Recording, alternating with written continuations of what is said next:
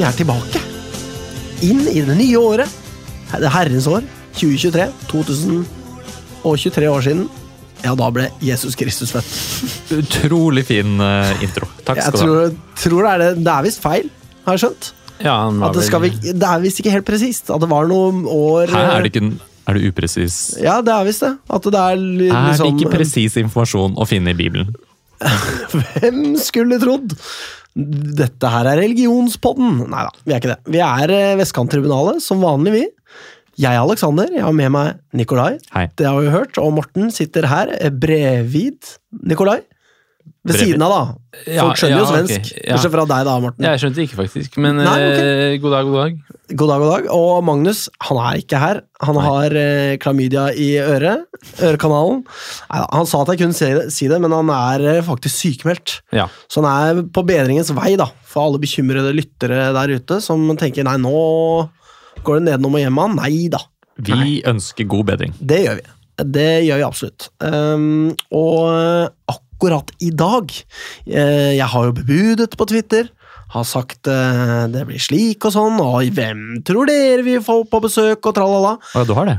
Jeg har sagt det, eh, så vi hadde en avtale med en gjest. Trenger ikke å si hvem det var, kanskje, egentlig.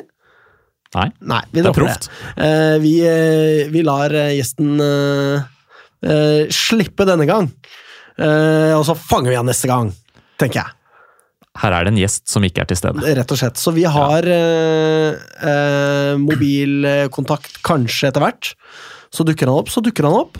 Eh, og hvis ikke, så blir det bare litt pludring med guttene boys eh, her i studio. Vi, jeg vet jo at lytterne har gleda seg veldig. Og det er derfor vi kjører på.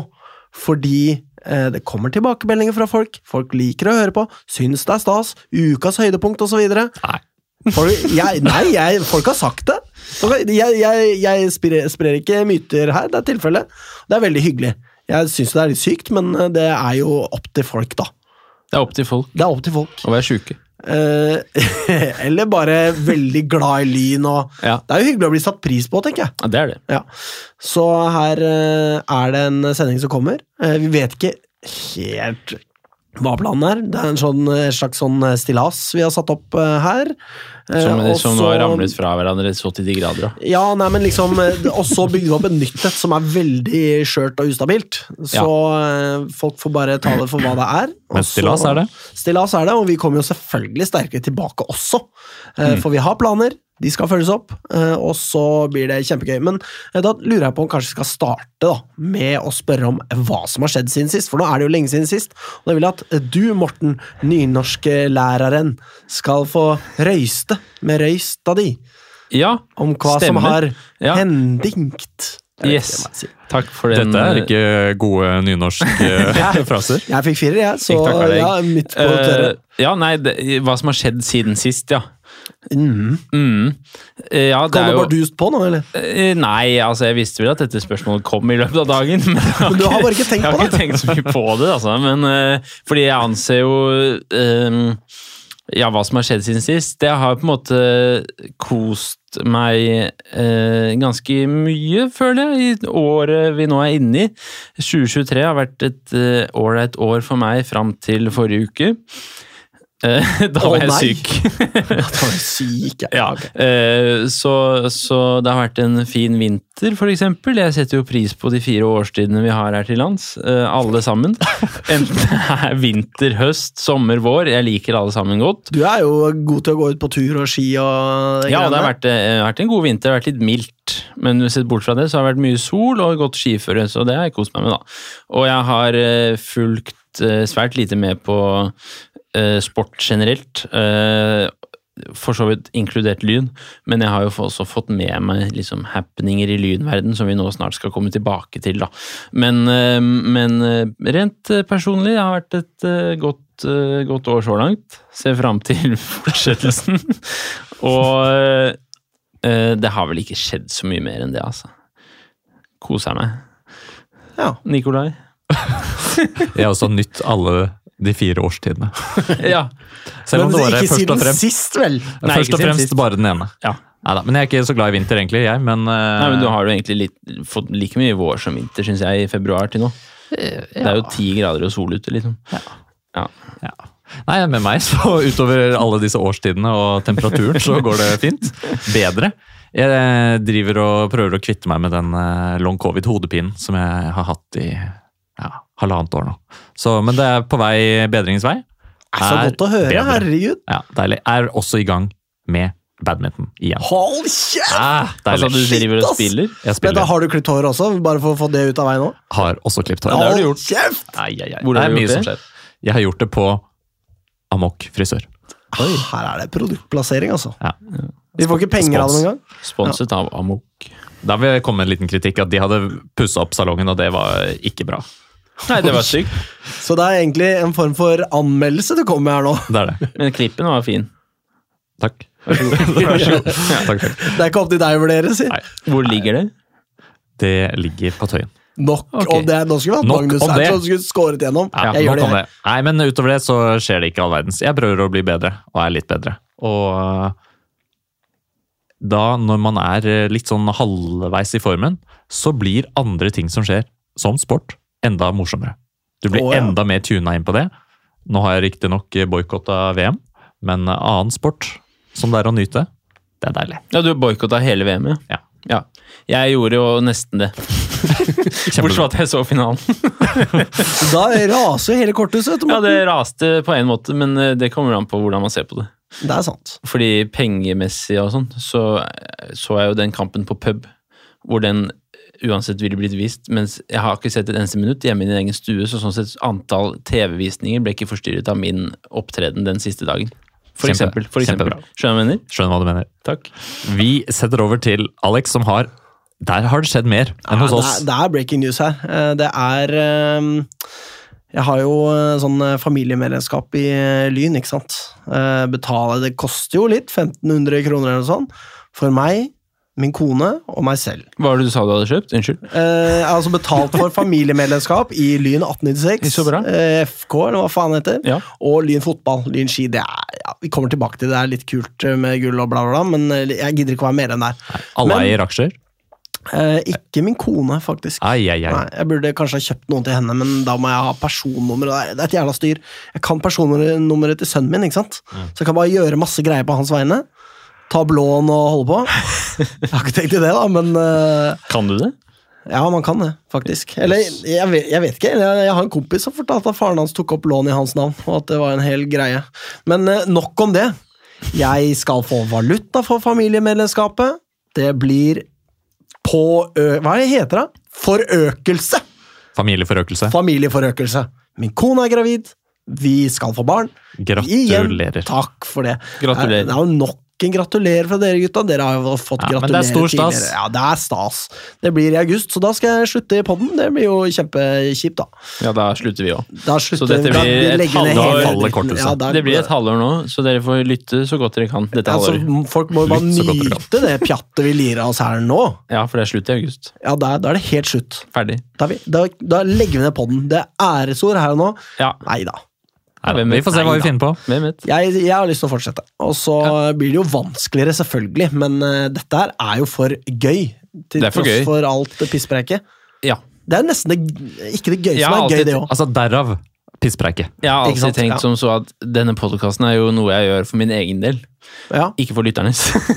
ja, jeg så tenker sånn også sett, det. eh, så i det øyeblikket det ikke er gøy, så er det bare å gi opp. Ja, altså Når det kommer lyttere her sånn, det er så kult å høre på, så blir man sånn brydd òg. Sånn Ja, der-.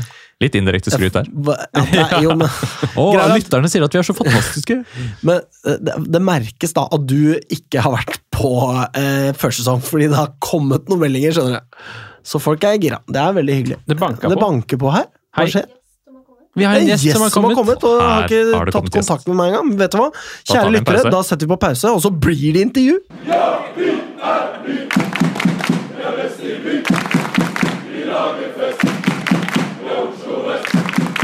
Eh, mine damer og herrer, noe har skjedd. Gjesten har dukka opp. Uh, ved min side så sitter en uh, sentral skikkelse i herrelaget. Han har fartstid i klubben også fra tidligere. Han representerer en rød tråd i klubben, vil jeg si. Han er herrelagets sportslige leder og assistenttrener. Glenn Hartmann, velkommen til oss. Hjertelig takk. Utrolig kult å være her. Eh, om det er jeg som skal ta skylden for litt eh, Komme litt sent, eller eh, Ja, Vi ble vel enige om at det var litt uklarheter også fra vår side der. en, fin, en fin deling, da. Ja, vi, vi, vi deler den. Det er greie sånn. Så slipper vi å rette noen fingre noen steder og så. Hvis det skulle rettes noen fingre, så var det mot uh, vår uh, bestillingsansvarlig, skulle jeg til å si. Uh, Bookingansvarlig. Jeg tar selvkritikk. Jeg lover å være dyktigere til neste gjest vi skal ha. Men Glenn han er her, eh, og vi skal snakke om eh, løst og fast, og kanskje mest eh, fast. Hva skjer med herrelaget og fremtiden og identitet og alt mulig rart. Eh, Så jeg lurer på om vi bare starter med deg, Glenn. Mm. Så for de som ikke kjenner deg så godt, eh, hva er din forhistorie med Lyn, og ditt forhold til klubben? Ja, eh, den er begynt å bli ganske lang. Eh, Det er den. Eh, Jeg kom til Lyn som tolvåring. Eh, Var innom en annen klubb, for jeg bodde Loftus terrasse. Eh, Så kan man liksom, de som er litt kjent geografisk, så kan man kanskje skjønne hvilken klubb som var den første.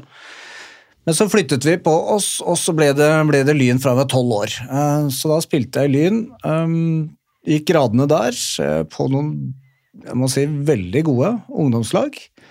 Junior-norgesmester i 1990 med noen sentrale skikkelser som Ola Dybwad Olsen senior og Andreas Morhusbakk, og med da sønnene deres. Og så spilte jeg vel på A-laget um, frem til 94, tror jeg. Jeg begynte å bli en eldre herremann. Så bar turen litt sånn vestover, eh, mer rettere sagt Nordvestlandet, eh, og litt fotball her, og i Ålesund og i Hødd. Og så ble det lite avbrekk fra fotballen, flyttet eh, tilbake hjem på Østlandet. Og så begynte jeg å, ja, som mange andre, trene, trene barna sine eh, lokalt i idrettsklubben. Altså, herregud, dette her er jævlig moro. Fotball er gøy. Um, og så tenkte jeg, fader, jeg, jeg har lyst til mer Lyn. Og da var det en tur innom eh, Lyn og Rolf Magne Valstad, og eh, begynte vel da i 2019 med å trene juniorlaget. uh, I hva blir det, to-tre år. Så litt med assistent under Bent Inge helt på slutten der, i 2021. Og så fikk jeg spørsmål da fra Tor Ole eh, Skullerud, som var da sportssjef, om å, om å hjelpe til under, eh, under Jan Halvor. Og så har jo han ekspertkommentatoren blitt enda mer ekspert og driver borti Premier League, så da fikk jeg tilbud om å tre inn som sportslig leder i tillegg til assistentrollen. Eh, eller jeg hadde egentlig valget om jeg vil droppe ut av det ene for å gjøre det andre. Men jeg trives eh, veldig veldig godt på feltet. Og så har jo 2022, som alle sikkert er enige om, vært et eneste stor opptur. Så her står jeg. Så fra mange år blir det, ja. Blir vel en 30 år med et lite avbrekk på Nordvestlandet. Ja. Ikke sant? Og da er du jo litt inne på det neste spørsmålet her, fordi ehm, eh, Jeg lurer på dette her med disse to rollene. Du har jo på en måte overordnet altså Blir det riktig å forstå at du er overordnet eh, Jan Halvor? Og underordnet Jan Halvor? Eh, Så eh, spørsmålet er da hvordan liksom disse to rollene kombineres. Det er jo forskjellige krav til de respektive rollene, går jeg ut fra. Og er det liksom noen vesentlige motsetninger mellom disse to rollene? Altså, Definitivt så er det jo det. Altså, teknisk, teknisk sett så er jo sjefen til Jan Halvor. Spør du Jan Halvor, så sier han at teknisk sett så er jeg sikkert ikke det. Eh, Men eh, samtidig så er jeg assistenttrener. Og det er, klart, dette her er jo to motstridende roller sånn sett. Eh, Nå funker det veldig fint. Jeg og Jan Halvor har et veldig godt samarbeid. Det er selvfølgelig veldig enkelt når ting går bra. For, for da er liksom, ja, men da er det greit, da. Men vi kommer sikkert til noen regnværsdager der fremme også. Og da får vi sikkert testet det, det forholdet litt. Men jeg prøver å balansere dette her på en bra måte. Sånn at jeg legger meg ikke veldig mye opp i hvordan treningsuken, syklus, hva vi trener på, hvordan vi trener. Der blir det mer sånn input, innspill fra meg til Jan Halvor, så han får bruke som han vil. Det blir ikke noe sånn 'hei, hvorfor har du ikke gjort dette her', 'dette var ikke bra nok', 'dette må jobbes mer med'. For da tror jeg vi er på feil kurs. Eh, For den andre biten er jo at jeg som assistent, jeg skal jo supportere det han prediker, ikke sant, og det han vil ha frem. Mm. Og selv om man ikke er, for det er man jo aldri, aldri er 100% enig i hvordan man løser enkelte ting, så er det klart at hvis han sier 'jeg skal ha det slik', ja, men da er det jo sånn han får det. Og så må jeg støtte opp under det. Men øh, øh, er det sånn at det, handler om å sånn rent økonomisk for klubben også fylle en 100% stilling for deg? For jeg forsto, det som at det var viktig for klubben å ha med deg videre. Eh, og så er det jo altså Jeg mener man er jo fremdeles et eh, lag på et eh, noe høyere nivå enn tidligere, men ikke et så veldig høyt lag, og det har jo eh, det noe å si for økonomien. Så er det et element her at eh, klubben ville fylle en stilling til deg? Nei, ehm, jeg kunne gått inn og tatt sportslig lederrollen alene og droppet ut av assistentrollen. Det kunne jeg gjort. Og det kan jeg gjøre i dag. Så det kan jeg si til styret i morgen at nei, vet du, jeg vil konsentrere meg 100% om bare å være sportslig leder. Men eh, jeg er ikke ferdig med trenergjerningen. Ikke sant? Og en dag, og det er sikkert mange lyttere som syns det er eh, synd, men en dag så tar det sikkert eh, slutt med Jan Halvor. Han har en, han har en trenerskontrakt med klubben, eh, så to år til. Um, og hva som skjer etter det, det er det ingen som vet. Om jeg fortsatt vil følge en, en trenergjerning, eller om jeg vil fortsatt være sportslig leder. Jeg syns begge deler er kjempespennende, utrolig interessant. Og jeg driver fortsatt og kurser meg som trener for å bli en bedre trener. Eh, og så vet du at som trener så er du nestemann ut døra. det er stort sett sånn det er. Sportslig leder så kan du sette et større preg på ting, et, et større fotavtrykk, over lengre tid. Eh, og min personlige ambisjon er at eh, jeg skal Som sagt, jeg begynte å bli en litt eldre herremann, men jeg mener jeg har noen år til igjen, så mm, Lyn og Eliteserien, det er vel min store drøm. Her er vi ganske enige, får vi tro. Det, men da som sportslig leder, eller som ja, hovedtrener, kanskje? da, eller? Det eh, sa jeg ikke, eh, men eh, det får andre vurdere. Så egentlig, jeg, jeg kan jo ikke ansette meg selv. Nei. Det går jo ikke. Eh, Men, men jeg er ikke ferdig med trenergjerningen, det er det jeg sier. Så akkurat nå kombinerer rollene som sportslig leder og assistenttrener Unni Anne Halvor, det tri- stortrives jeg med. Og det har jeg tenkt til å gjøre også de neste, i hvert fall her og nå, de neste to årene, ut kontraktstiden til Jan Halvor. Og så får man se underveis eh, hva, hva som skjer. Men eh, ja, det er der vi er. Men det er ingen umiddelbare planer om å få noen inn i disse i en av disse to andre rollene per nå, da, med andre ord? Det er det ikke. Det er i hvert fall planer som ikke jeg kjenner til. Styret sitter og konspirerer bak i ryggen til sportsleder er her potensielt. Oi, oi, oi. Men rent praktisk, da, hvordan eh, løses det her i hverdagen? Eh, fordelingen mellom å være assistent og, og sportslig leder? Vi, vi har jo våre møter, jeg og Jan Halvor, og går gjennom uh, uken, hva vi skal trene på, hva som er bra. Vi går gjennom video, videoklipp, analyser. Eh, også og planlegger eh, neste uke, neste kamp. uh, snakker om skadesituasjon osv. Og så snakker vi selvfølgelig også da om ja, men hvordan ser det ut med skader, hvordan ser spilletroppen ut, kort sikt, lang sikt. Og så er min sportslige lederrolle inn mot A-laget, den blir jo med den der logistikken, ikke sant? spillelogistikken, hvilke typer, hvilke, hvilke ikke bare hvilke posisjoner, men hvilke profiler eh, passer eh, inn under Jan Halvor. For jeg kan jo tenke at det der er en interessant type for meg som trenerprofil, men Jan Halvor kanskje ja, men? Man lærer å kjenne hverandre. Så vet jeg at nei, men den spilleren der, den passer ikke inn under Jan Halvor. Så mm, jeg vet ikke, det var noe godt svar, egentlig, men, men det, det, Nei, men er, du er det, fungerer ganske ok per Ja. dato. Og sånn eh, utenfor sesong som vi er nå, da, hvor mye av tiden din opptar den, fyller den sportslige lederrollen, vil du si?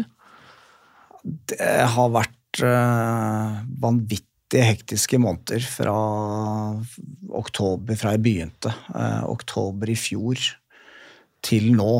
Um, man sitter jo ja, For å spørre kona mi, da, men uh, jeg sitter en lørdag og ser tre og en halv fotballkamp på direktesport. fordi det enten handler om spillelogistikk, eller det handler om hva skal si, det sportslige og motstandere som, Mm. som, som vi skal møte. Så, så det tar mye tid. Uh, det er gøy. Uh, og dette her er bare A-laget. Vi har jo også ungdomsfotballen, som mm. Lyn 1896 uh, har tatt over det sportslige ansvaret for. Med da eh, meg selv som, som den øverste på, på den, uh, den biten der også. Så um, vi snakker ikke bare A-laget eh, med under sportslig lederrollen, men også ungdomsfotballen, som er viktig. Ja, fordi nå er vi jo litt inne på dette her med rød tråd. Jeg nevnte jo tidligere, eh, snakka om deg som en representant for den røde tråden i klubben. Da. Både liksom ja, ikke, ikke så gammel forhistorie, men allikevel en god stund tilbake, da. Eh, som spiller og, og som har vokst opp i klubben. Eh, og så har du vært eh, trener for juniorlaget, assistenttrener og så sportslig leder i tillegg der. Eh, hvordan jobbes det da for, fordi eh, du er jo bare én person, ikke sant? Eh, og man Jeg har opplevd at folk har snakket om deg som en som har eh, fått spillere fra juniorlag og opp på A-lag. Eh, hvordan jobbes det da for å uh, ivareta den eh, prosessen foregår også ja, hva skal jeg si, uavhengig av deg, eller i tillegg til deg, da? Kanskje først og fremst. Altså, den røde tråden i klubben er det jeg spør etter her.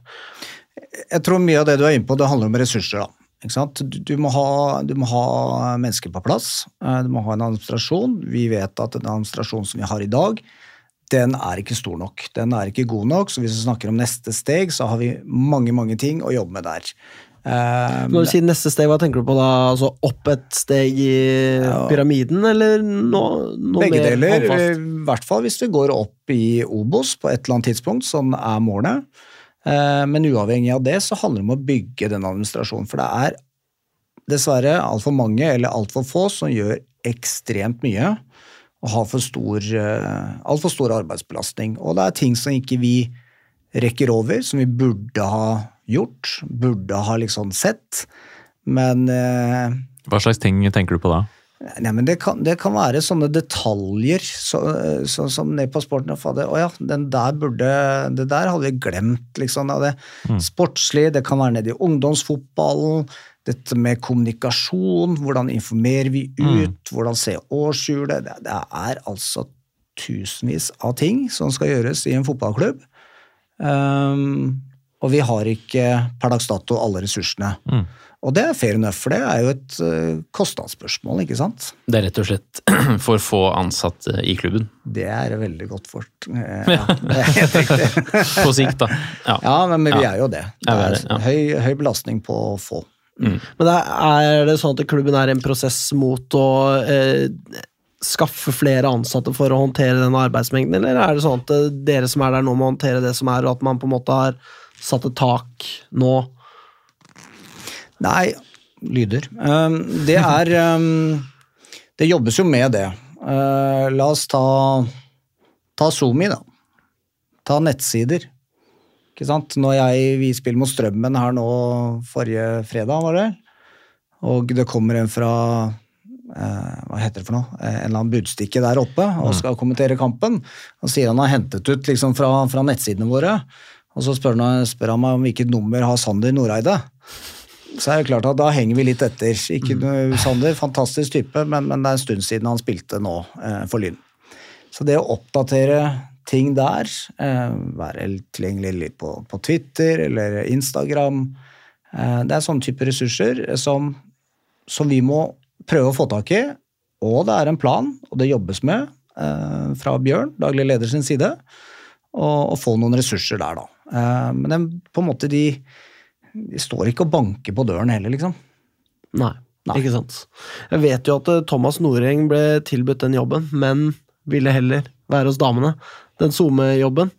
Så det dere, Da forstår man jo hvordan dere har tenkt, da. At dere ville ha en i den rollen. Så eh, det er jo bra, det, og jeg ser jo at folk etterlyser det på Twitter også. Men nå er det vel snakk om et slags sånn derre team med hobbyentusiaster, vel? I utgangspunktet. Syns jeg så at eh, det ble spurt etter på nettsiden. Da har du sikkert bedre oversikt enn det jeg har. Eh, Ja. ja. Dette høres ut som Bjørn sitt bord, da. ja, det er Ja. Bjørn sitt bord. Ja. Nemlig. Men eh, tilbake til dette her med den eh, røde tråden i klubben. Da. Eh, det er jo flere lyngutter, tidligere lyngutter, som lykkes rundt om i, eh, i den norske fotballen. Oskar Haga, for eksempel. Han er jo ikke i Norge engang. Eh, Elias Aarflot i Tromsø. Jakob Dikko Eng i Jeg husker ikke helt hvor han, hva den klubben heter som han er i. Det er ikke så nøye, egentlig. Eh, eh, Petter Dahl i Koffa. Altså, vi har Emanuel Grønner i Sogndal. Eh, hva må til for at vi kan holde på disse gutta eh, og disse liksom fremtidige talentene og stjernene våre, fordi at vi vet at de kommer på løpende bånd, og så liksom blør de ut på feil tidspunkt for Lyn, da. Ja. Én, de må få muligheten, eh, sånn sett. Og der syns jeg vi har blitt eh, flinkere. Um, jeg har vært med som juniortrener, bra dialog der oppe med Bent Inge i sin tid. Mange som fikk prøve seg. Um, jeg snakket om dette med menneskelige ressurser. Vi har noen ordentlig fine folk eh, som jobber på dette som vi kaller U21, som håndterer egentlig fjerdedivisjon og nå litt gratis, men Integrets A for junior. Eh, Jan Tonnis Veras og Joao Vitor.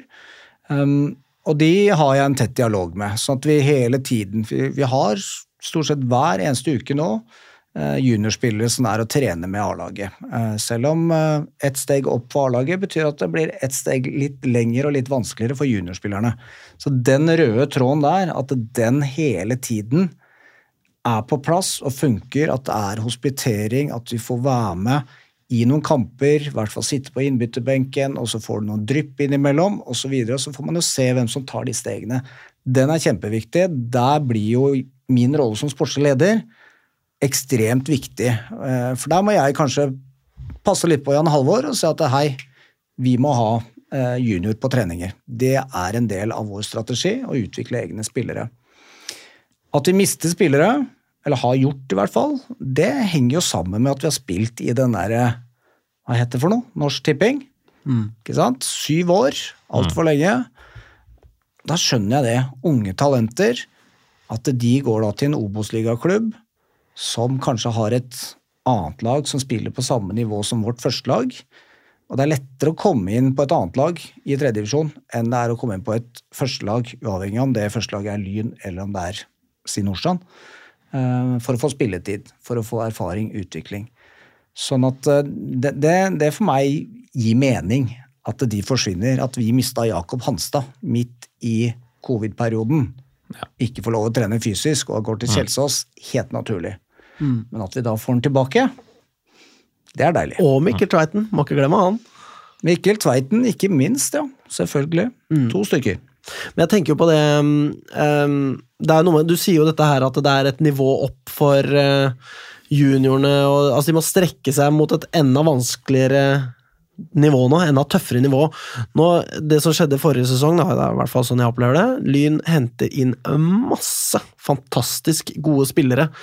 Og plutselig så spretter liksom nivået disse juniorene må nå eh, veldig opp, da. Eh, kvaliteten på laget er plutselig mye, mye høyere. Eh, er det sånn at du opplever at det liksom på stigende at det mangler noen trinn imellom der? Kanskje spesielt med tanke på det at vi har et andre lag i fjerdedivisjon som jo sikkert ikke er så attraktivt sammenlignet med det å spille for Lyns A-lag i eh, tredjedivisjon, da. Ja, det er Vi har noen gode juniorspillere eh, som, som er på vei opp. Um, så så jeg, det er jeg ikke bekymret for. Og tar vi et steg med A-laget, så tar juniorene gjerne et steg, de også.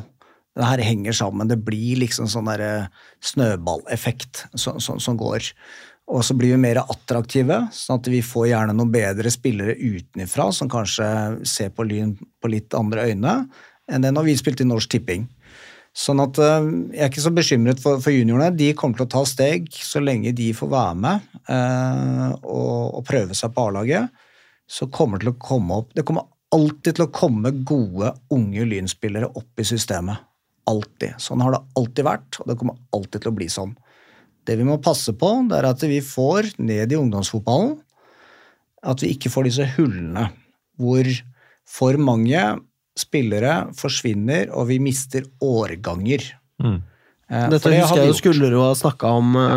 tidligere på et sånt infomøte. ja. Det har vi gjort. Så, så der har vi jo um, Og det er, ikke, det, er ikke, det er jo ikke spillerne sin feil, liksom, men det er klubben som Vi har ikke vært flinke nok, da, rett og slett. Og der må vi tette de hullene, og det er per dags dato gutte 15 og gutte 16. Flotte, flotte lynambassadører som er der i dag. Men de som kanskje satset mest, de har forsvunnet til, andre klubber. Så må vi bygge det. Eh, Og det må vi gjøre så vi får liksom hele den derre trappa hele veien opp. Og hva tenker du er de viktigste måte, læringspunktene fra det som har skjedd, med tanke på nettopp å, å, å bevare de beste på 14, 15, 16? Vi må Det er flere ting. Det ene er at vi må ha et eh, flaggskip. Mm. Ikke sant? Vi må ha et A-lag som faktisk er noe som er noe å strekke seg etter. Det begynner å få nå, for det begynner å lukte litt i Post Nord. Er Post Nord er ingen enkel affære. Um, og så tror jeg at vi Vi sogner jo liksom til Ullevål, til, til Berg, til Tåsen skole. Uh, Men hvis jeg drar det litt, grann, hvis vi tar historien da, og, og, og min fartstid i Lyn, så var det jo ikke eh, For min egen del, jeg kom fra Bjølsen skole, Mm. ikke sant? Uh, Henrik Rønnevig, noe sånn den tiden her, de kommer fra Røa. De kommer fra Heming. Vi, det holder ikke å tro at vi kan rundt Ullevål Hageby og så tro at vi skal skape gode årganger. Nei, vi må ut mot Heming, Reddy, Røa.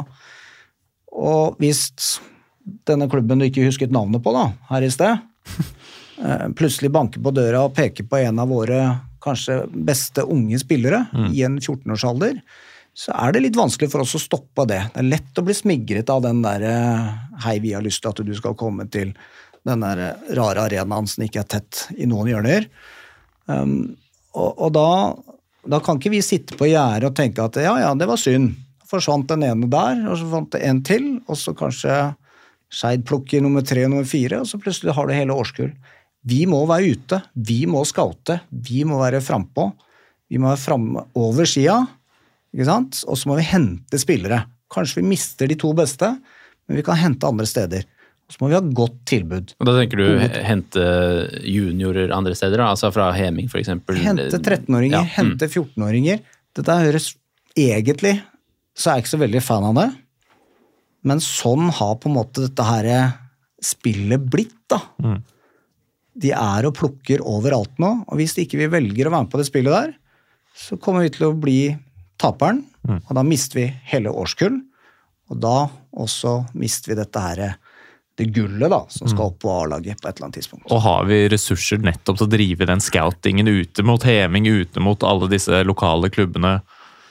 I dag, Ja. ja. Det er på plass. Det er godt å høre. Det er jo knallbra. Eh, men eh, altså, scouting og eh, juniorer og alt sånn, hva med disse gutta som har forlatt klubben, eh, og som er der ute og eh, suller rundt i klubber de egentlig ikke skulle vært i? Er det noe sånn eh, etablert plan om å hente de? Vi har jo sett Hanstad har kommet hjem, Mikkel Tveiten har kommet hjem, eh, Randers Anders kom tilbake fra Sotra. Fins det en etablert plan her for å hente våre gutter hjem? Ikke en etablert plan. Det gjør det ikke. Nei. Men eh, Dette er gutter du kjenner fra før, er det ikke det? jo, jo, første, første kullet som jeg hadde, som var, eh, det var 02-kullet, eller junior, da. De var de, da, da ble de 17, så det var førsteårs junior. Det var jo typisk Jakob Hanstad. Mikkel Tveiten hadde allerede gått i A-laget. Eh, og, Håkon Sjåtil. Eh? Masse, masse gode, ordentlig talentfulle fotballspillere. Sånn at eh, man, man følger jo med. Og det er klart at hvis jeg står med to spillere der ute i en posisjon, cirka ish like gode, ja, men det er klart at jeg, jeg går jo først og fremst for å få tilbake denne lynspilleren. For jeg syns det er kult å ha flest mulig lyngutter på, i, i A-troppen. Mm. Så, men det ligger ikke noe sånn føring hvem er den neste. Det, det gjør det ikke. Og den delen av arbeidet blir jo naturligvis enklere, må vi tro, når vi spiller i andre og Obos, og ikke tredje. Åpenbart. Ja. Helt åpenbart. Så sånn sett så ser det jo litt lyst ut. det gjør det. Uh, vi har vært innom uh, dette her med ja, altså, jeg kan, kan stille det spørsmålet altså, eh, Det jo, stilles jo høyere krav til juniorer som vi slår gjennom eh, nå, som vi har vært inne på. Men så Hvordan balanserer dere å heve nivået på førstelaget og samtidig holde juniorene sultne og motiverte? For at det er eh, liksom Hvis de ser oi, dette her det når ikke jeg, liksom. Jeg må bare dra et annet sted. Jeg må bare dra til Frigg eller et eller annet eh, rask, liksom. Er det Hvordan klarer man å holde juniorene motiverte? Jeg håper det. Eh, For hvis ikke det er motivasjon Alle disse her, veldig mange av de, de har lyst til å bli fotballspillere på et, på et best mulig nivå. Og det er klart at hvis vi får et A-lag som er på et bedre nivå, og kanskje, ikke bare kanskje, på et eller annet tidspunkt så, så er vi på både ett og to nivå til, så må det bare motivere enda mer, tenker jeg. Eh, og så handler det selvfølgelig om gi mulighet, gi en treningshverdag, kommunikasjon? Prater vi med de? Er det noen fra A-laget? Jan Halvor, eh, snakker han med noen av de unge spillerne? Eh, Det kan bare være et enkelt hei og fader, går bra, fortsett stå på, fin juniorkamp, fin rekruttkamp. Disse enkle tilbakemeldingene.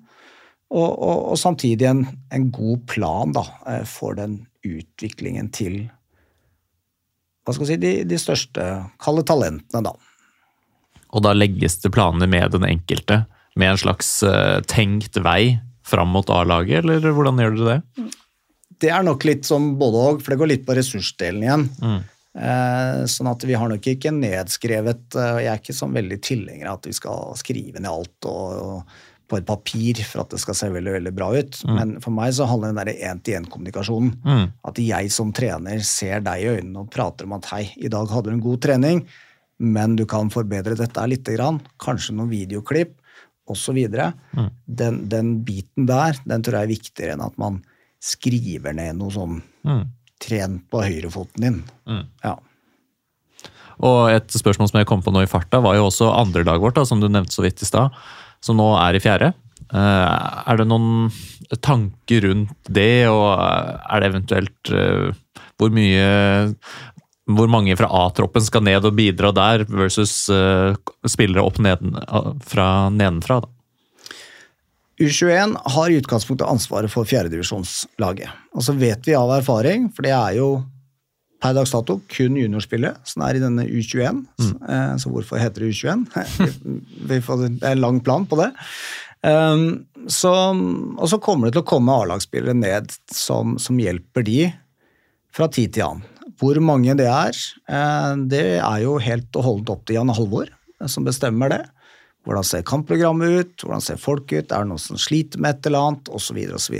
Mm. Så, um, så det blir en, en miks som det alltid har vært. Um, planen videre for Lyn 2, uh, det er at uh, vi også må ta det steget opp i tredjedivisjon. Mm. Men og, og jeg skal liksom ikke- forklare forkleinelse for noen, men jeg ble litt overrasket Ullern gikk opp med sitt fjerdedivisjonslag til tredjedivisjon i fjor, som står der nå med et Post Nord-lag og et Norsk Tipping-lag. Eh, Den tror jeg ikke vi skal gå på riktig ennå. Jeg tror, og i hvert fall planen er, at eh, inntil vi er i Obos, så tror jeg vi skal holde oss pent og pyntelig i fjerdedivisjon. Og så skal man ikke rakke altfor mye ned på fjerdedivisjon heller. Det finnes x antall gode fjerdedivisjonslag i Oslo-fotballen. Mm. Det er min subjektive mening rundt det. Så, så planen er der. Vi skal opp i tredje, men jeg tror vi skal først ta steget opp ett nivå til med A-laget vårt. Men eh, altså, er det en refleksjon av at Lyn er litt sånn topptungt sånn det er nå? Eller fordi jeg tenker liksom hvis tilfanget av Hvis man har en bredere stall og eh, bedre eh, til Altså hva skal jeg si, Det er sterkere tilknytning mellom nivået på juniorlag og A-lag. At det da vil være mer naturlig å ha et lag i tredje divisjon. Hvis du skjønte hva jeg mente? Kanskje, kanskje ikke. Nei, jeg bare tenker det at eh, eh, Poenget mitt er det at Lyn Eller spørsmålet er Lyn litt topptungt, og at hvis vi hadde hatt eh, en bredere stall, ville det da gitt mer mening å hatt et lag i tredjevisjon? et annet lag i tredjevisjon? Definere en bred stall, da. Er det 30, liksom? Ja, nei, det er ikke godt å si. Altså, man Og ser jo hvis, på du har, hvis du har 30, så kan det at hvis den, de 30 skal være av en viss kvalitet, så, så har det et kostnadsspørsmål. Mm. Og hvis da det ikke har et kostnadsspørsmål på de siste åtte, fra 23 til 30, så får du en dårligere kvalitet på treningsgruppa på A-laget. Og alle som tilhører en A-lagsgruppe, de ønsker primært å spille på førstelaget. De har liksom ikke sin store drøm om å spille andrelagsfotball. Det er en konsekvens av at man per dags dato ikke er god nok, ikke sant. Så, så det, er, det der er vanskelig, vanskelig ting eh, å vurdere. Samtidig, det å spille i tredjedivisjon har jo også en kostnad. Mm. Så hvis du havner da i en nordlandsavdeling, da, hvor du skal ut og fly jeg vet ikke, åtte, ni, ti ganger i løpet av en sesong, ehm, og du vet at du er nødt til å bruke A-lagsspillere for å overleve, ikke sant? Eh, og og da, da blir jo det en belastning igjen. Og hvis du da får flere skader, så går det igjen utover den troppen som Jan Halvor har å disponere til hver enkelt kamp. Både de elleve som starter, men ikke minst da friske ben på de tre, fire, fem som eventuelt kommer inn. Ja, for at det er jo man kan jo legge opp til forskjellige strategier her. Det virker jo som Lyn har valgt en strategi her. Eh, og da tenker jeg f.eks. på eh, Hvis man sammenligner Stabæk og Skeid. Skeid er helt i bånden eh, av Obos-ligaen, klarte seg så vidt. Eh, Stabæk eh, vingla litt på starten her, og så gikk de opp til Eliteserien. Eh, mens andre lagene, der har du jo Skeid 2 i ganske høyt opp. Pusha oss jo i starten av fjorårssesongen. Og så har du Stabæk 2 som må klare seg med et nødskrik. Og, ikke sant? Altså, at det er en ganske stor forskjell der da, mellom første og andre lag i Stabæk, mens i Skeid så er det mye mindre forskjell. da. Og At vi da velger mer en slags sånn, ja, Kall det en Stabæk-modell. da, Det er jo selvfølgelig ikke det, Det vi gjør. vi det ikke. Nei, vi gjør ikke det, men, men at tilnærmingen vår er likere det enn Skeid. da. Eh, Det er mulig. Jeg har ikke reflektert over at vi har en tilnærming lik det ene eller andre. Eh, Vi staker ut vår kurs, og så endrer den seg. Når den endrer seg ved at vi har gått opp til Post Nord, hipp hipper av for det, liksom. Dritkult. Eh, Og så får vi ta, ta neste steget. Eh, Og så får vi se får vi se hva det neste steget er, sånn sett. Men jeg, eh, jeg tror vi er på en riktig plass akkurat nå. Eh, Kommer det ett steg opp til med A-laget, til Obos, så har du plutselig andre arenaer, noen nasjonale arenaer også, for juniorlaget. Igjen tiltrekker bedre spillere. Tiltrekker, eller det gjør at våre spillere også har enda mer å strekke seg etter. Som igjen gjør at eh, et potensielt lag i tredjedivisjon blir med en gang mer aktuelt. Nemlig. Da tror jeg kanskje vi skal gå videre til å snakke litt om spillerekruttering. Ja. Vi har jo vært litt inne på det, men eh, når du skal hente en spiller til Lyn, hvordan er den typiske Lyn-spilleren? Hva ser du etter i spillere du rekrutterer som på en måte eh, er felles for dem alle? Eh, Felles tror jeg eh, har mye med, med profil, personlighet. Eh, vi skal ha inn de riktige profilene, eh, og da snakker jeg hvem, hvem er mennesket eh, som kommer inn døra. Fordi vi kan godt ha en god fotballspiller, men hvis den fotballspilleren der, kall det et lite ugress, da, som eh, egosentrisk, eller passer rett og slett ikke inn, eller kan rett og slett gjøre at det skaper til, til eh, sånn interne stridigheter, så er det ingen som er tjent med det. Da kan du nesten være så god du bare vil. Eh, så, så den der å bli kjent med spilleren, vite hvem det er, referanser fra andre uh, utenfor klubben, som ikke nødvendigvis bare er bestekompis, uh, det er eh, ekstremt, ekstremt viktig. Så det begynner, det begynner der, rett og slett. Hva slags personligheter er det vi er, er ute etter? Og hva, Nå er det psykologen som spør her. Ja, hvor lenge har dere holdt på med dette her? Syv år, det er åttende året nå, vel? Ja, vi begynte vel da vi Da det begynte å gå dårlig i tredje divisjon, hvis man kan si I det andre divisjon. I andre divisjon, unnskyld. Ja. Mm. Så jeg regner med at dere, da, sikkert ulike typer, ulike typer eh, personligheter, men, men samtidig så går dere godt sammen. Som gjør at dere velger å holde på med dette her i, i så mange år, ikke sant, på fritiden deres. Og det tror jeg er litt av det samme. Eh, hvordan skape et godt kollektiv. Eh, og der er jo Jan Haller ekstremt flink. Kjempeflink til å skape kollektiv. En gruppe som drar i samme retning. Husk at alle disse her er individualister som egentlig bare har lyst til å prestere best mulig på fotballbanen og være i den elveren. Å være nummer 13, være nummer 16 er knalltøft. Jeg har jo opplevd det selv, også i Lyn. Um, og, og da liksom, hvordan, hvordan får du denne gjengen til å jobbe sammen? Jan Halvor sier alltid dette her er et maraton. Det bruker jeg hele tida, og det har han jo rett i. Han vet at han kommer til å trenge spiller nummer 18 i løpet av sesongen, pga. at det skjer saker og ting. Og det er et lite kunststykke uh, å få til. Og da tror jeg i hvert fall at du har hva skal vi si, de riktige profilene uh, som jager utvikling, som uh, hva skal vi si, unner lagkompisen det beste, eh, og laget det beste, det tror jeg er ekstremt viktig. Bra svar, eller? det gir mening. Det mening. Jeg ble betenkt, jeg. Ja, Ja, du satt helt stille, så jeg ble bekymra. Men, øh, øh, men når du da rekrutterer spillere, går du da øh, fra at du sonderer jo markedet osv. Er det sånn at du da først og fremst går etter spillere du kjenner til fra før, eller er, har du andre metoder du bruker? Han sitter jo og ser tre kamper hver lørdag, har han sagt. Ja, ja. Hver lørdag. Um, nei, så, så ble jo dette her litt sånn brå overgang for, for meg. Jeg skal ærlig talt innrømme at uh, jeg har ikke sett mest på Obos uh, eller Post Nord-fotball uh, i, i Norge. Det har blitt veldig mye mer av det nå. Um, så det å liksom få et, en kjennskap til hva som beveger seg, så er vi veldig strategisk på det at vi vi ønsker, jeg mener at det er mer enn gode nok fotballspillere per dags dato ut fra det nivået vi jobber på, til at eh, vi kan holde oss til hva skal vi si, Stor-Oslo pluss, pluss, pluss. Eh, jeg sa vel noe sånt i Dagsavisen at vi trenger ikke dra til Trondheim for å hente spiller, men hvis den spilleren har lyst til å flytte til Oslo, eh, så kan vi gjerne ta den spilleren. Fra Tromsø, for eksempel. Fra Tromsø. Ja, men det er et veldig, veldig godt eksempel med Markus. eh, Det er sånn. Han øh, skulle, ville til Oslo, og vi er dønn ærlige på det. Vi har det vi har av ressurser. Vi har ikke anledning til å hjelpe til med å finne bopel, vi har ikke anledning til å hjelpe til å finne en bijobb, eller om du skal studere, osv., osv. Hvis de premissene der, hvis spilleren går med på det, nei, men det, det ordner jeg selv, så fint. Da er jo døra åpen.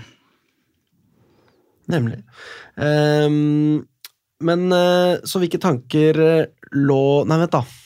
Nå hopper jeg over et spørsmål her.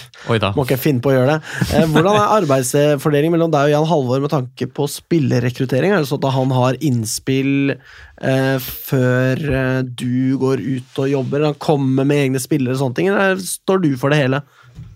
Det er nok et samarbeid, og så gjør nok jeg kanskje litt mer av grovjobben, sånn sett. Eh, Vi diskuterer jo selvfølgelig hele tiden hvordan ser troppen ut, eh, skade, skadestatistikken akkurat her og nå, eller hvordan- ser skadesituasjonen ut, Eh, hvor er det vi føler at vi kanskje mangler det lille ekstra for å ta neste steg, hvilke spillere mener vi er litt sånn Igjen, vi har rykket opp. Det er ikke alle som har spilt på det nivået. Hvem er det som kan ta det nivået? Vi er jo interessert ja, men fikser de det?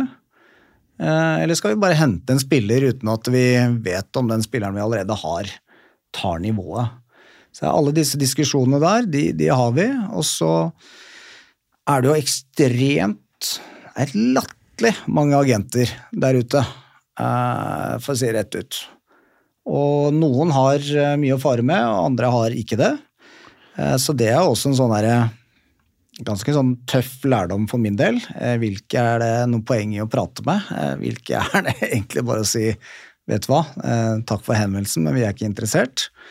Så det å saumfare seg i den jungelen der er jo bare én side av det. Men vi, vi, jobber tett sammen. Vi diskuterer hva det vi er ute etter. Og så handler det litt om hva slags typer som Jan Halvor er ute etter. Eh, var inne på dette med personlighet, men det er jo ikke Vi handler jo ikke bare på det, for guds skyld. Eh, Jan Halvor er glad i fart. Eh, det er både i høy fart, sånn at du kan løpe, at du er rask, men eh, du skal løpe mye. Det løpes enormt blant den gjengen vi har. Og det er jo veldig Jan Halvor. ikke sant? Det går i hundre. Hvis du da skal bare ha en kantspiller da, som vil ned og motta ballen i mellomrom, uh, så er ikke det kanskje så, så stort poeng å se for mye etter. Men du nevnte dette med agenter. Eh, det er mulig at det er selvsagt, da, men for meg som på en måte anser i alle fall norsk tredjedivisjon til å tross alt være et ganske lavt nivå. Det er altså sånn at mange, mange spillere i Norge som på en måte sogner til andredivisjon f.eks., de har agenter. I, Post Nord, ja. Ja, ja, ja. ja. ja, ja helt... Og, og proffa, altså agenter som, som, på en måte har det som et slags yrke å liksom betjene flere spillere. Jeg tror ikke det er så mange av disse agentene som har det som sin hovedinntekt, nei. nei, nei. Eh, men det er veldig mange som ønsker nok å få det. Mm, ja. Eh, så, så, du kan jo gå ut nå, så betaler vel 3000-4000 kroner, så, så du, kan du være agent. Så kan du drive spilleformidling. Ja. Så det er ganske lave krav. Ja, og det bærer vel bransjen preg av. Uten å fornærme Morten, får vi anta. jo da, men eh, det ville vært litt lavt krav. Nei, jeg er ikke agent, nei. Men, men, men du det, kan bli det, Morten. Men det er interessant å høre, da, at for, for, i mitt hode så er jo agent sånt Da skal man være en god fotballspiller for å få en agent, da. Så det er jo interessant å høre at du må forholde deg til dette, da, der vi er. Ja, og så, og så, er det jo noen som er veldig bra å hjelpe. ikke sant? Mm. Det er jo mange sånn som både har erfaring eh, fra fotball og har spilt på høyt nivå som fotballspillere, selv om de kanskje ikke er i øverste sjiktet enda som, som, agenter. Så, så, det er mye bra, men det er også mye rusk. Mm. Så det å liksom skille de to tingene der, det, det er en um, jobb i seg selv. Mm. Det er jo Jeg kjenner til en uh, fjerdedivisjonsspiller som hadde agent, jeg. Ja. Kommer riktignok fra tredje, da. Og spilte et år i fjerde, men uh, ja. Så det, det, er absolutt vanlig, ja.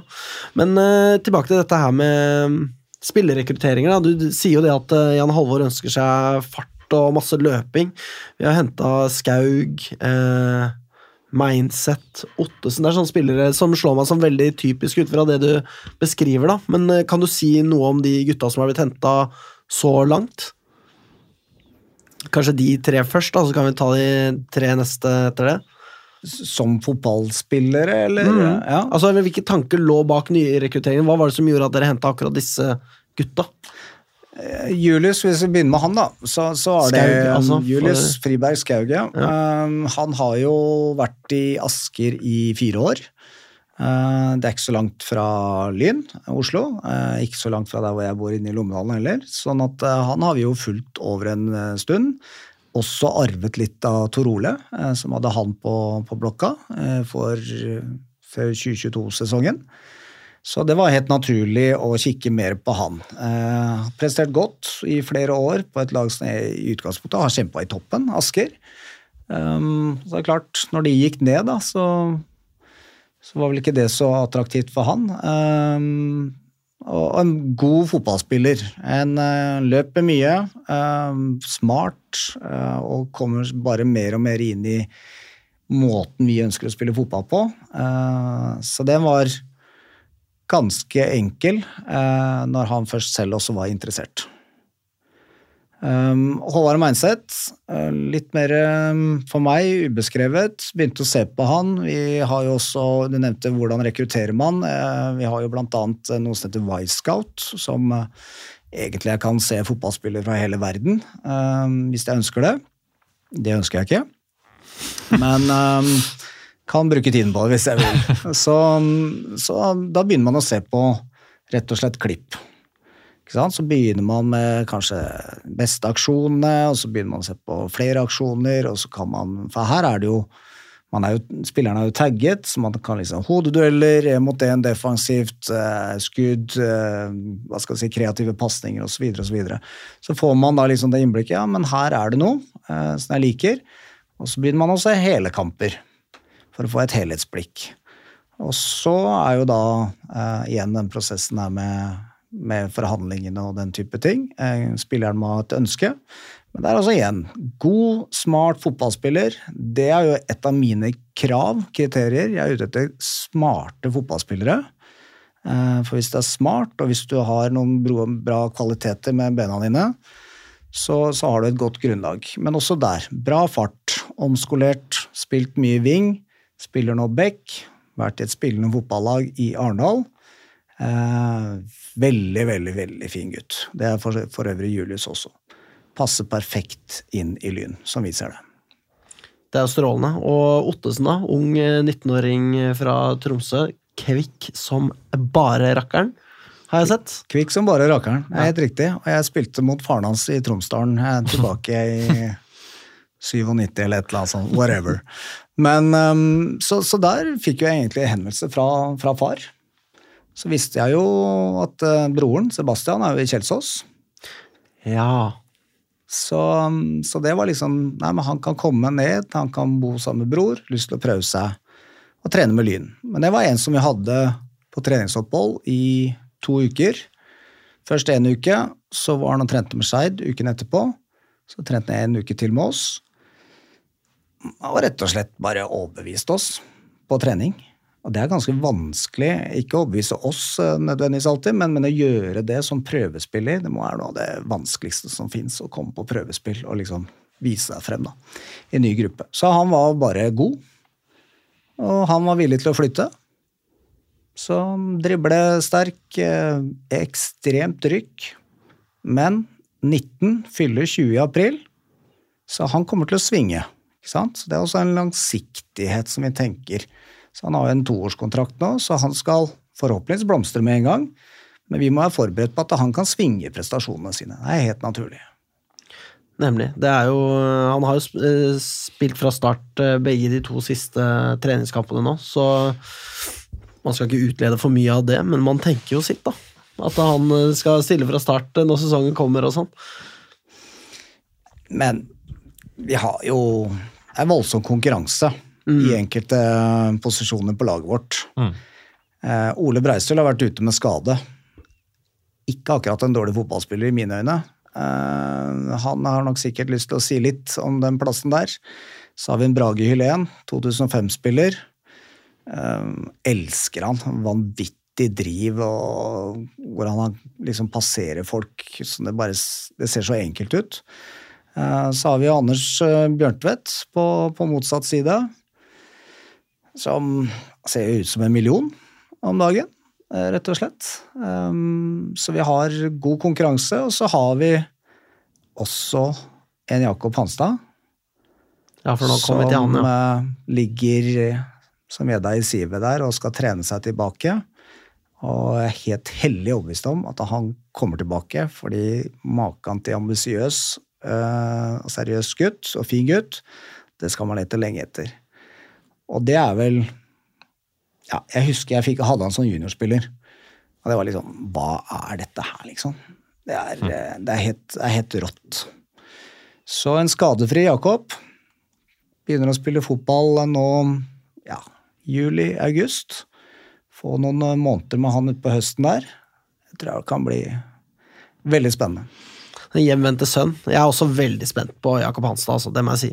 Um, kanskje vi skal gå litt uh, er, Lyn har henta flere spillere, men uh, jeg tenker at vi kanskje skal gå litt videre og snakke om tilstanden til troppen per i dag. Lurer jo litt på om vi kan vente oss nye signeringer. For jeg lurer på, er det noen mangler? Er det noen spesielle styrker? Og hva slags X-faktor er det vi har? Du får si så mye du tør. å røpe overfor Jeg vet ikke, det er ingen som hører på det her. Det er bare lydfolk. så det er bare del og glem.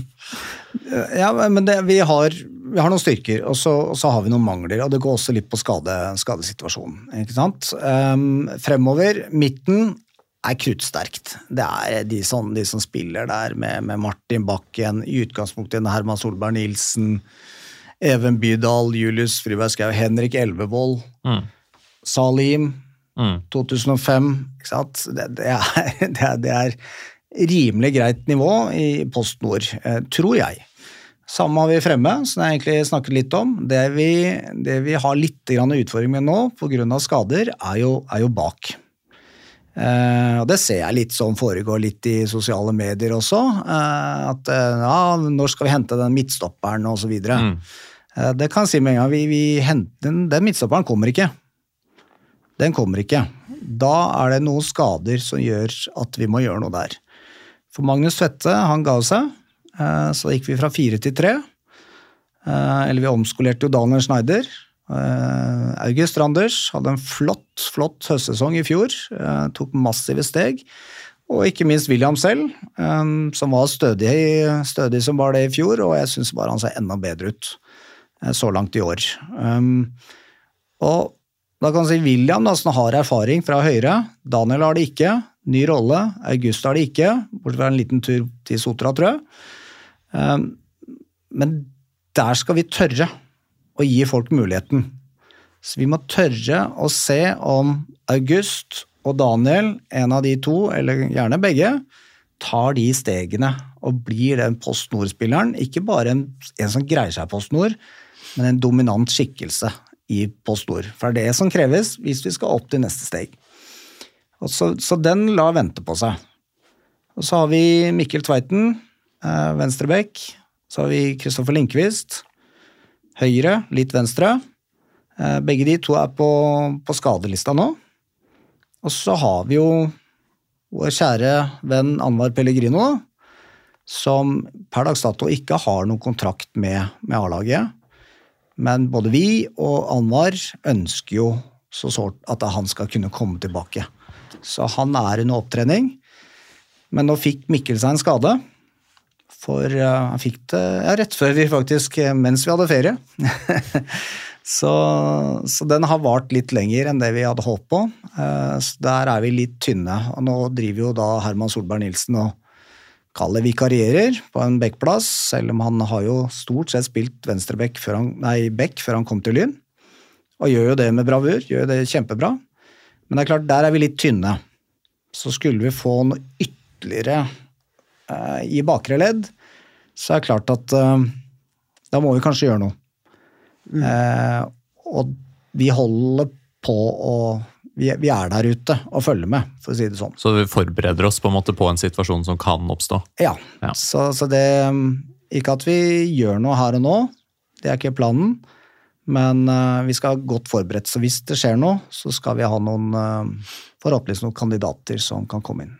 Fordi da eh, høres det ut som at det er tre midtstoppere, da. Men, eller, eller tenkes det at Mikkel kan være inn og spille midtstopper Altså, Fordi at vi har jo selv Randers og Schneider, ikke sant? Er det da snakk om at Mikkel kan være den fjerde, eller tenker dere at vi ikke trenger den fjerde, eller har jeg oversett noe, kanskje? Vi, vi trenger, vi spiller bare med to midtstoppere Mm. uh, hver kamp, så vi trenger to. Uh, nå har vi tre, uh, men som du sier, Mikkel i et, i et lengre perspektiv kan også være et, eh, et veldig spennende alternativ som, som stopper. Eh, Spilte jo der for Skeid eh, ja, men i en trebekslinje. Ok, ja.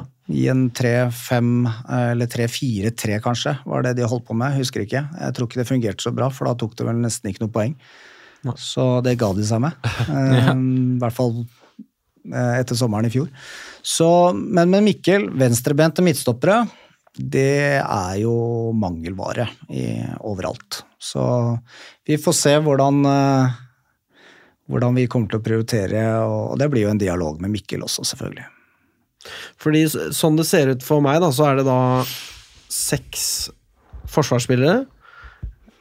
Blir ikke det riktig? Eh, Hvis vi plusser på eh, Anwar, da, så blir det sju, vel?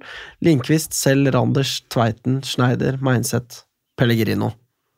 Er det noen jeg har oversett der, da? Det er vel kanskje en junior eh, som har lyst til å prøve seg der i miksen, kanskje? Som regnes med, eller? Ja da, vi er to stykker, Mm. faktisk. Eh, en spennende midtstopper um, og en, um, en spennende back. Ja, ikke sant? Og det handler litt om den biten her òg. Hvordan er utviklingen på den for Og der er vi enige, jeg og Jan Halvor, uh, gudskjelov. Det er at eh, hvis vi skal hente noe, eh, uansett hvilken posisjon, så skal vi hente noe for å, at det skal bli bedre.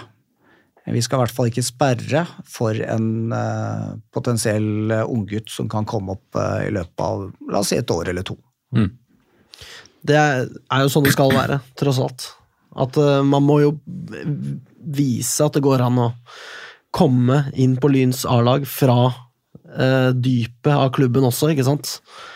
Så eh, det er interessante svar du kommer med der. Eh, lurer på om vi kanskje kan eh, få høre litt om skadesituasjonen. Nå har vi vært inne på eh, ja, Ole Breistøl er jo nå tilbake. Mikkel Tveiten, hvordan ligger det an eh, med han? Ja, det tar eh, Jo, jeg, faktisk, rett før jeg gikk inn her, så snakket jeg med en i det medis medisinske, og um, kommer nok til å ta litt tid. Det har allerede tatt lang tid. Um, litt sånn tekniske rundt det, det klarer jeg ikke å forklare, men eh, kall det et lite sånn tretthetsbrudd-lignende. Um, og det er ikke uvanlig for fotballspillere. Så, så han trenger nok uh, Forhåpentligvis så er han 100 tilbake uh, på banen i løpet av mars. Om det er tre uker, eller om det er fire uker, det er jeg usikker på. Men det er det vi satser på. Så ikke så ille, da. Men eh, i, eh, fortsatt i de bakre rekkene her Lindqvist, hvordan eh, står det til med han?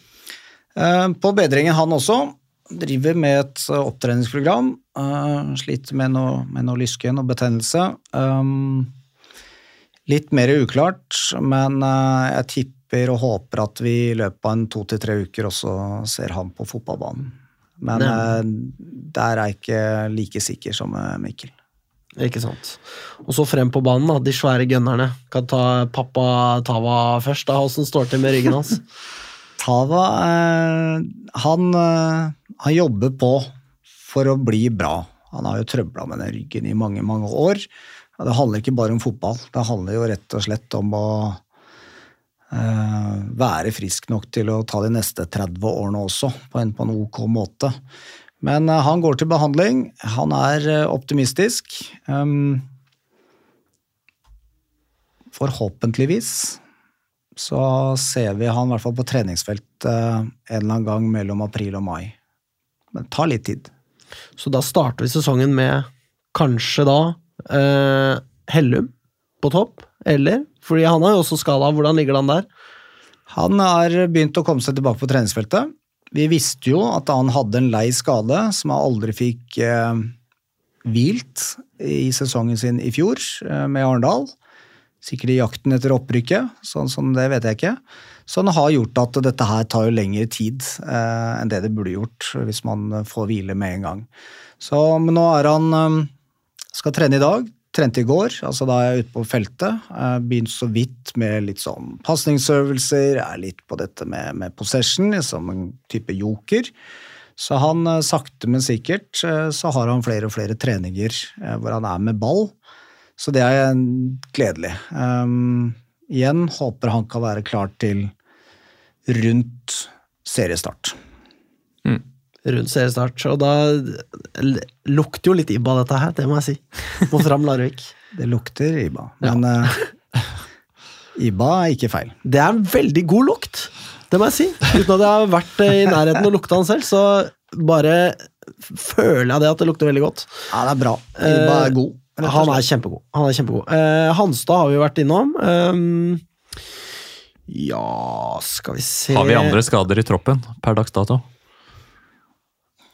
Ikke, ikke noen som er alvorlige. Eh, Brage har hatt litt eh, trøbbel med ankel, eh, og det er litt mer sånn Trener du hver dag, så får du alltid noen smeller osv., så, videre, så gir det seg aldri, liksom. Sånn har vi valgt å Eller vi valgte å la han få fri mot strømmen.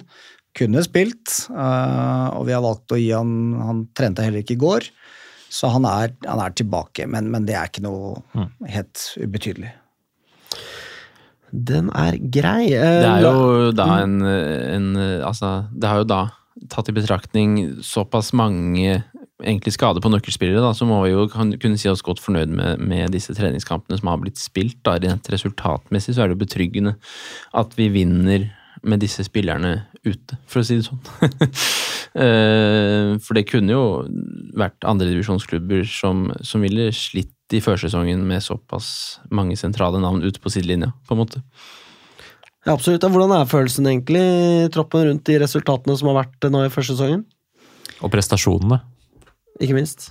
Men, men de har jo vært gode.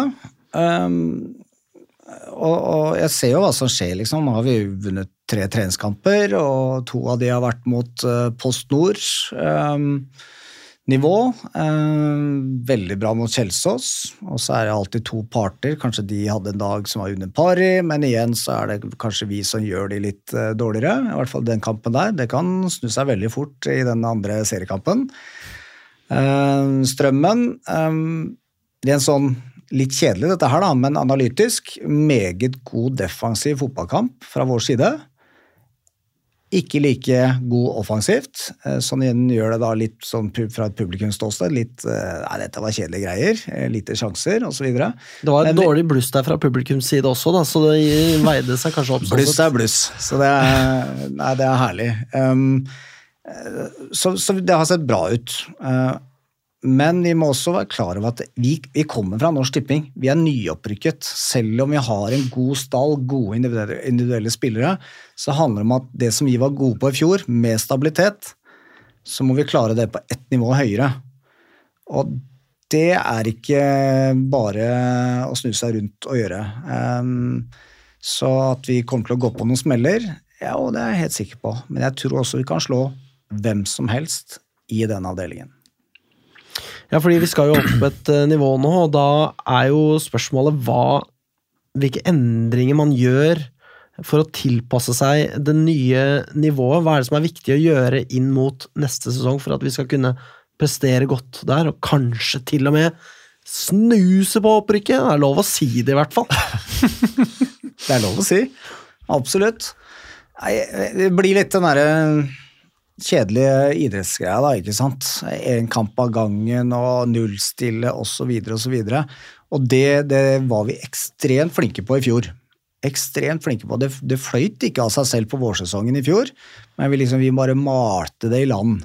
Så hvordan liksom på dårlige dager, og det er jo en sånn ting som jeg tar meg fra Strømmen-kampen, hvor liksom ting ikke funker sånn 100% i hvert fall offensivt, og det bare vi måker på, så, så, så vinner vi jo kampen 1-0. Eh, og vi har spilt tre treningskamper, vi har tre, tre seire. Er det 12-1 i målforskjell? Null poeng. Null poeng. Jeg tar gjerne den 1-0-seieren mot Fram Larvik i første seriekamp, for da er det tre poeng. Ikke sant? Så, så, så vi skal ikke gjøre så mye annerledes. Jeg, jeg, jeg tror det er bare viktig at vi skjønner hvor vi er, og at ikke vi tar av på noen som helst måte. For gjør man det, så senker man seg med en gang 5-10% og det er ikke mer som skal til enn at da, da taper du kamper istedenfor å vinne fotballkamper. Vi, akkurat der ble klokka ti over seks. Du skal få lov til å gå nå, Glenn. Fordi nå er tida omme her. Kos deg meg, jeg har lyst til å være her. Ja, så bra. Du kan få lov til å svare på et aller siste spørsmål. Kort, kort. Eh, Så, lang tid, så langt du vil. Da. Det er jo din tid, det her, selvfølgelig. Men hvem ser du på som våre fremste konkurrenter i årets sesong? Jeg er ganske sikker på at Arendal er der oppe. De, og jeg har selvfølgelig sett x antall kamper allerede i år eh, med de. Eh, De er bra. Um, Så de kommer helt garantert til å være der oppe. De er for meg den største favoritten. Og så har jeg ikke sett for mye av disse her, men jeg tror Egersund kommer også til å stable sammen et, eh, et bra mannskap. Så primært så er det de to som er de de største konkurrentene eller favorittene der ute. Det er Grorud glimrer med sitt fravær her, eh, føler jeg. Ja, eh, med grunn. Ja. Ja. Jeg eh, tror ikke at det som har kommet inn versus det som har gått ut, er i nærheten til å ta opprykket. Men her kan jeg selvfølgelig ta feil, og sikkert mange som mener at jeg er helt håpløs og ikke har peiling på det jeg driver på med. Men, eh, men de kommer til å være et bra lag i Post Nord, definitivt. Men i forhold til i hvert fall, la oss si førsteplassen, de sier at de skal rette opp. Jeg har ikke tro på det. Jeg har mer tro på Arendal. Nemlig. Og nå klinger musikken i bakgrunnen her, i våre ører. Vi bare later som, Dag. Du hører, vi later som. Den, fordi du putter den på i etterkant, ikke sant? Kult. Men musikken er i bakgrunnen her. Og da må vi takke for oss. Vi må takke Glenn. Vi må takke for vi. oss, og vi må takke Glenn, selvfølgelig. Takk En eh, eh, ære å ha deg med. Kjempehyggelig. Spennende å høre. Spennende å høre. Takk for praten. Og eh, masse lykke til videre i første sesongen. Takk det samme. Så ses jo Og vi sesongen. Og så, selvfølgelig sesongen òg, da. Um, så ses vi på i hvert fall Mokoffa. Dit skal jeg. Det blir spennende. Tenk om vi får til noe der, da. Jeg bare, jeg bare slenger det ut der. Det har vært helt, helt rått. Uh, så vi avslutter som vi pleier, vi, Glenn, og da sier vi spør ikke hva uh, Lyn kan gjøre for deg, spør heller hva du kan gjøre for Lyn. Takk for oss. Kom igjen, Lyn, kom igjen, Lyn, kom igjen, Lyn, kom igjen, Lyn! Moderne media.